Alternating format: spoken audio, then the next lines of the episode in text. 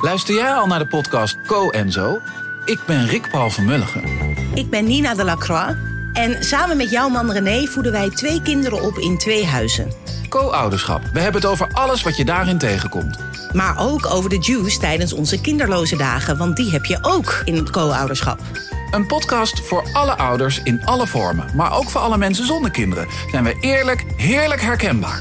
Dus luister naar Co en Zo in je favoriete podcast-app.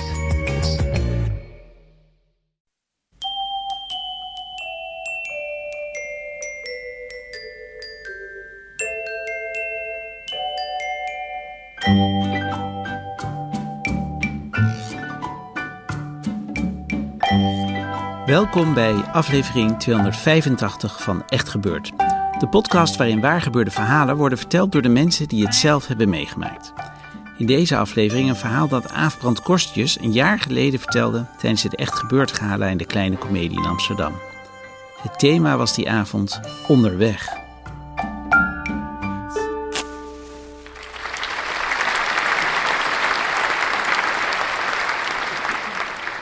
Mijn vader was een asperge. Dat was een term die hij zelf had bedacht en een diagnose die hij zelf had gesteld. Uh, want hij bedoelde ermee dat hij het syndroom van Asperger had. En dat syndroom dat is iets op het autistische spectrum. Greta Thunberg heeft het ook. Het was heel lastig om te reizen met mijn vader, want hij vond heel veel dingen heel vervelend. Hij hield niet van haasten, hij hield niet van wachten, hij hield niet van kleine ruimtes. Hij hield niet van verandering. Hij hield niet van warmte. Hij hield niet van kou. Hij hield niet van mensen. En hij hield niet van vlees. Uh, of eigenlijk was hij bang voor vlees. En dat was heel onhandig, uh, ja, eigenlijk in alle landen van de wereld waar je wat zou willen eten. Maar goed, we gingen wel vaak op reis met mijn vader, uh, ik en mijn broertje en mijn zusje. Mijn moeder was overleden toen ik zes was. En mijn zus was toen vijf en mijn broer was drie. Dus ja, mijn vader zat gewoon uh, met ons opgescheept. En als hij ergens heen wilde, dan moest hij ons alle drie meenemen. En wij moesten altijd met hem mee. Hij was schrijver en het liefst zat hij eigenlijk op zolder. Daar had hij een hele grote werk werkkamer uh, te schrijven en te lezen. En wij mochten die werkkamer niet in, want hij was heel bang dat we dan zijn uh, concentratie zouden verstoren of dat we zijn uh, kranten door elkaar zouden leggen. En uh, dat was voor hem de definitie van de hel, dat iemand je kranten door elkaar zou leggen. Ook op vakantie had hij allerlei regels voor ons waar we ons aan moesten houden. We mochten bijvoorbeeld nooit bagage inchecken bij het vliegtuig, want hij hield niet van wachten. Dus ook niet van wachten bij zo'n bagageband. We mochten alleen maar allemaal één tasje mee en dat moest dan uh, gewoon in het vliegtuig, ook als we lang op reis gingen. Maar daar had ik wel een truc op bedacht, want ik was een notoire overpacker, ook al toen ik zeven was. Uh, dus ik trok dan alle kleren die ik die reis aan wilde over elkaar heen aan in het vliegtuig. En dan deed ik mijn knuffels, uh, want die waren heel belangrijk en groot, uh, in mijn tas. Dus dan had ik toch alles bij me. Het was wel warm, maar goed eenmaal in het vliegtuig uh, begon natuurlijk zijn enorme ergernis. Want uh, ja, kleine ruimte, je kunt er niet uit, je moet vaak wachten. Andere mensen, te warm, te koud. En dan had hij ook nog drie kinderen, die natuurlijk ongelooflijk vervelend waren. Dus hij boekte meestal drie uh, stoelen naast elkaar. Daar moesten wij dan zitten. En dan ging hij op het rijtje daarachter in zijn eentje zitten. Heel slim was dat niet, want als je drie kinderen alleen laat zitten, dan gaan ze natuurlijk nog veel meer lawaai maken dan als je erbij zit. Maar goed, dat soort gedachten kwamen er bij hem niet op. Uh, en wij hielden dan, uh, ja, ook uit een soort uh, recalcitrantie, een irritatiegrafiek bij tijdens de vliegreis van hem. Dus ja, we zaten dan de hele tijd te ruzieën en te schreeuwen en stoelen te wiebelen en heen en weer te doen. En dan gingen we steeds zo tussen die spleten kijken naar hem hoe geërgerd hij nu was.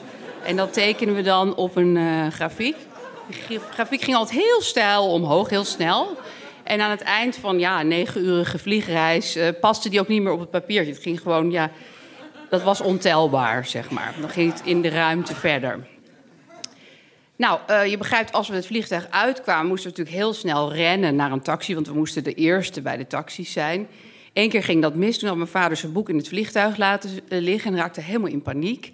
En toen uh, had hij bedacht dat hij dan over de loopband, waarop we op dat moment stonden, terug ging rennen. Uh, ja, door de mensen heen eigenlijk. Nou, je kunt je voorstellen dat hij, als we ergens eenmaal waren, doodmoe was. Ik bedoel, ja, helemaal afgepeigerd. En de eerste vakantie die we met z'n viertjes maakten, na het overlijden van mijn moeder, gingen we naar Aruba. Uh, ja, een Caribisch eiland. We woonden trouwens inmiddels in Amerika, dus die emigratie hadden we wel al min of meer doorstaan. Maar dit was onze eerste echte vakantie. Dus we vlogen naar Aruba en, en toen we daar aankwamen, viel hij meteen aan het zwembad in een hele diepe slaap. Want hij had zoveel irritatie gevoeld, uh, heel lang. En wij gingen met z'n drietjes spelen bij het zwembad. We dachten, nou, lekker, uh, het zonnetje schijnt, er is water. We gingen gewoon uren en uren spelen. En op een gegeven moment kwam er een Amerikaanse vrouw naar ons toe, een toerist, en die zei... Gaat het wel helemaal goed met jullie? Wij zo van, live in the life, maar oké. Uh, ik keek naar mijn broertje en ik dacht, oh ja, oh, hij, is wel, hij is eigenlijk wel heel rood. Waarom vergeet hem in te smeren? Dus mijn broertje was echt helemaal verbrand. Hij moest echt naar het ziekenhuis. Um, daar werd hij op een bed gelegd en daar sneden de dokters dan allemaal cactussen open en die legden ze op zijn huid. Um, dat hielp dan, dan werd hij roze. En uh, na die vakantie was er dus ook een regel bijgekomen. Uh, we moesten altijd t-shirts met lange mouwen aan en lange broeken. Wat voor weer het ook was. En ook als we gingen zwemmen.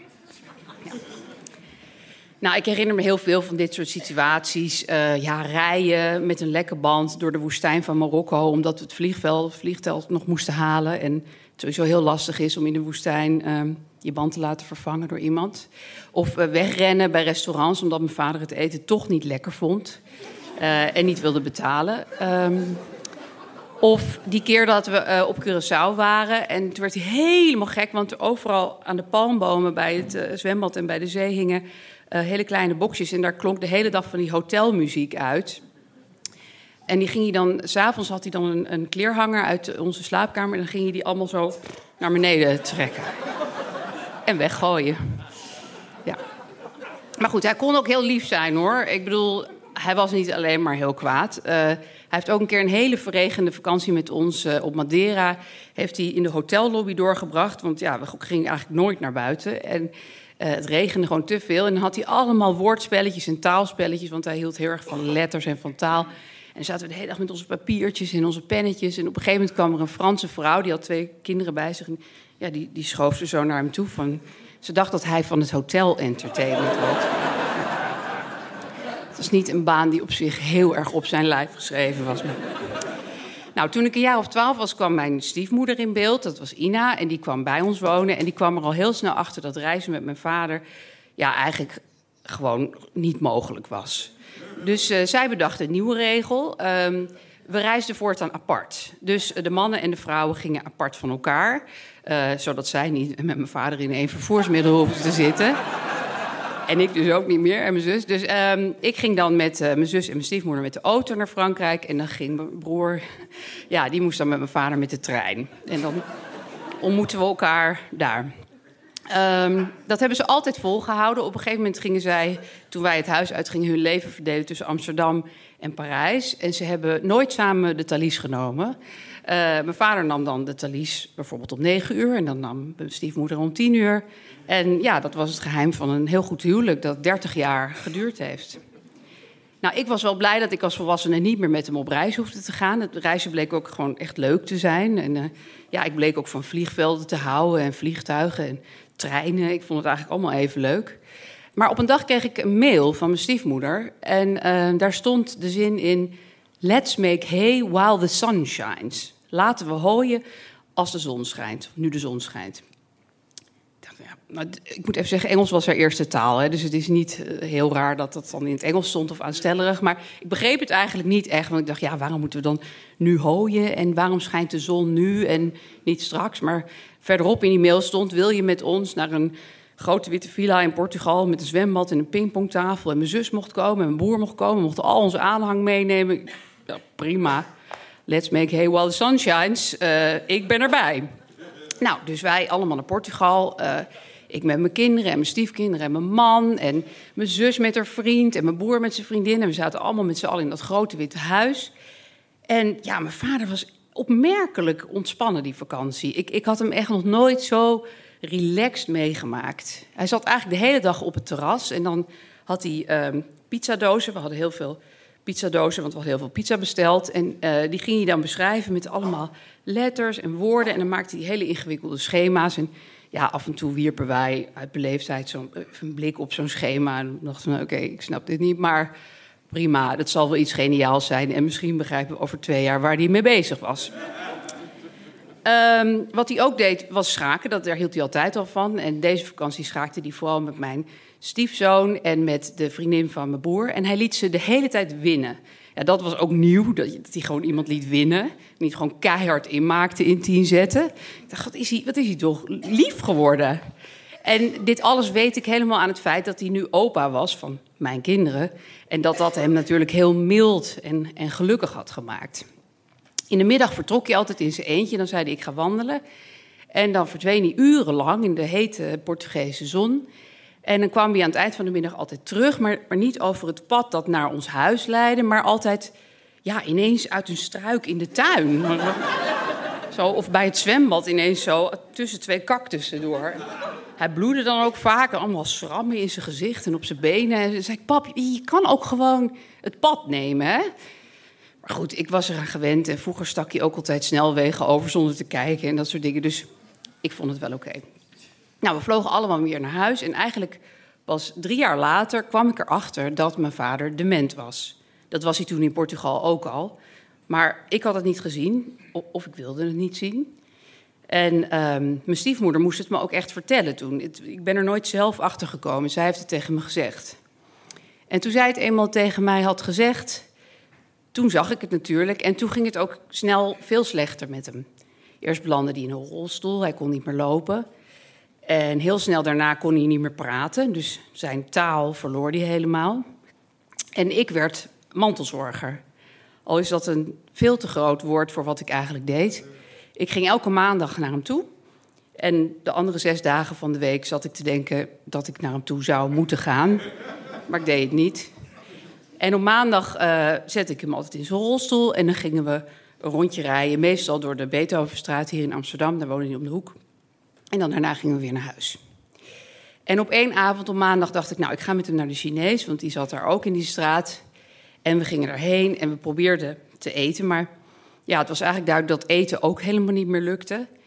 Um, dus we gingen weer naar buiten met de rolstoel en het was donker en, en, koud. Het was eigenlijk deze tijd van het jaar. En ik dacht, weet je, ik ga gewoon, ik ga gewoon een grap doen met hem. Dat is leuk. Dan, dan kunnen we ook weer een beetje lachen. En dit zielige gedoe met die rolstoel, dat hebben we allebei nu toch wel gezien.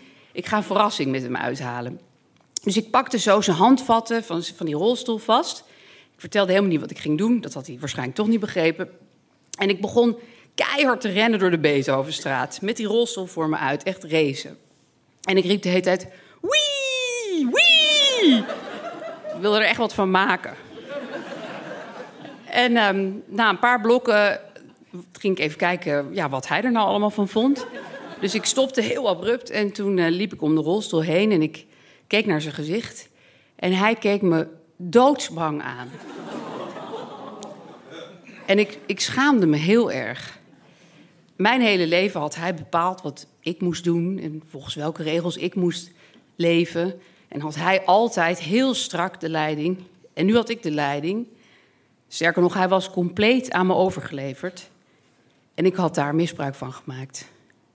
En op dat moment besloot ik om te doen wat hij mijn hele leven voor mij had gedaan.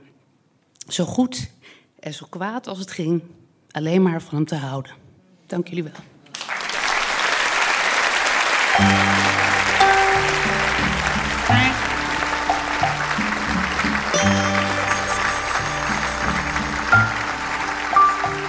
Dat was een verhaal van Aafbrand. Aaf is schrijfster en columniste voor de Volkskrant. En ze heeft sinds kort een eigen podcast met Mark-Marie Huibrechts. Getiteld Mark-Marie en Aaf vinden iets. Die podcast is te beluisteren via alle denkbare podcast-apps die er maar zijn. Aaf is op Instagram ook nog eens te volgen als @aafbrandkorstius. De redactie van Echt Gebeurd bestaat uit Paulien Cornelissen, Rosa van Toledo, Maarten Westerveen en mijzelf, Micha Bertheim. Productie Eva Zwaving, zaaltechniek voor deze aflevering Bram den Haan en de podcast door niemand minder dan Gijsbert van der Wal. Dit was aflevering 285. Tot volgende week en vergeet intussen niet om hooi te maken als de zon nog schijnt.